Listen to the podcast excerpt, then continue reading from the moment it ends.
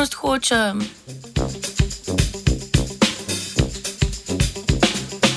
Materino mleko ima veliko pomembnih vlog. Poleg tega, da je zelo hranljivo, pomaga oblikovati črevesno mikrobioto novorojenih mladičev in ima posredno vlogo pri oblikovanju njihovega imunskega sistema. Med dojenjem se z mlekom na mladiče prenesejo proti telesa, ki so del pridobljene imunosti matere. Mnoge raziskave v zadnjem času kažejo, da se z mlekom na mladiče prenašajo tudi molekule tako imenovanega sistema komplementa. Ta je del naravne imunosti matere. Mednarodna raziskovalna skupina se je vprašala, kako prenos tovrstnih molekul vpliva na imunski odgovor mladičev ob okužbi. Svoje ugotovitve so objavili v reviji Cell.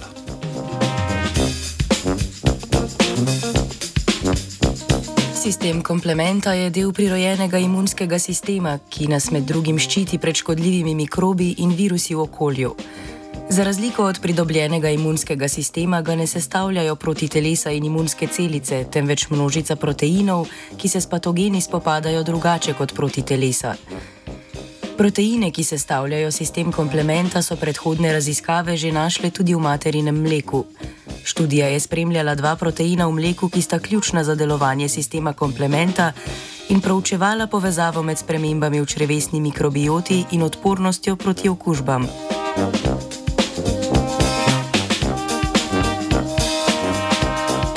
Skupina raziskovalk in raziskovalcev iz ZDA in Kitajske je eksperiment najprej izvedla na laboratorijskih miših mladičih z dvema genoma za proteina, ki sta del komple sistema komplementa in brez teh dveh genov.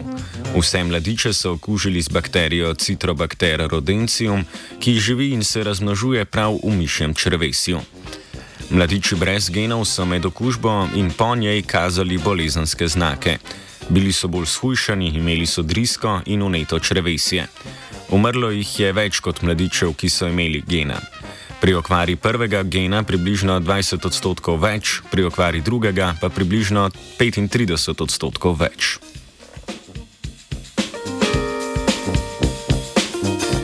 Da bi ugotovili vpliv materinega mleka na potek okužbe, so raziskovalke in raziskovalci izvedli nov eksperiment. Mišjim samicam so izbili gena za proteina sistema komplementa, tako da v njihovem mleku proteinov ni bilo.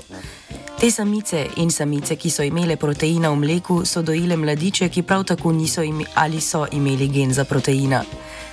Vse mladiče so na to okužili z bakterijo Citrobacter rodentium. Mladiči, ki so se dojili na mleku brez proteinov, so kazali enake znake okužbe kot pri prejšnjem poskusu, ne glede na to, ali je bil njihov sistem, komple sistem komplementa dejoč, delujoč ali ne. Po drugi strani pa so mladiču, ki, mladiči, ki so se hranili z mlekom, ki je vseboval proteina, izkazali dober imunski sistem odziv na okužbo. Raziskovalna skupina zato sklepa, da je odpornost mladičev proti citrobakter rodentium odvisna od sestave materinega mleka in ne zgolj izražanja mladičevih genov za proteine sistema komplementa.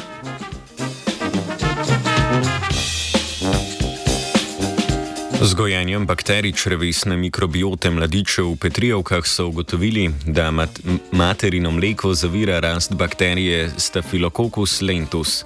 Znanstvenice in znanstveniki so sklepali, da proteini sistema komplementa v materinem mleku zavirajo rast Staphylococcus lentus v črvesju mladičev, kar škodljivim bakterijam preprečuje namnožitev.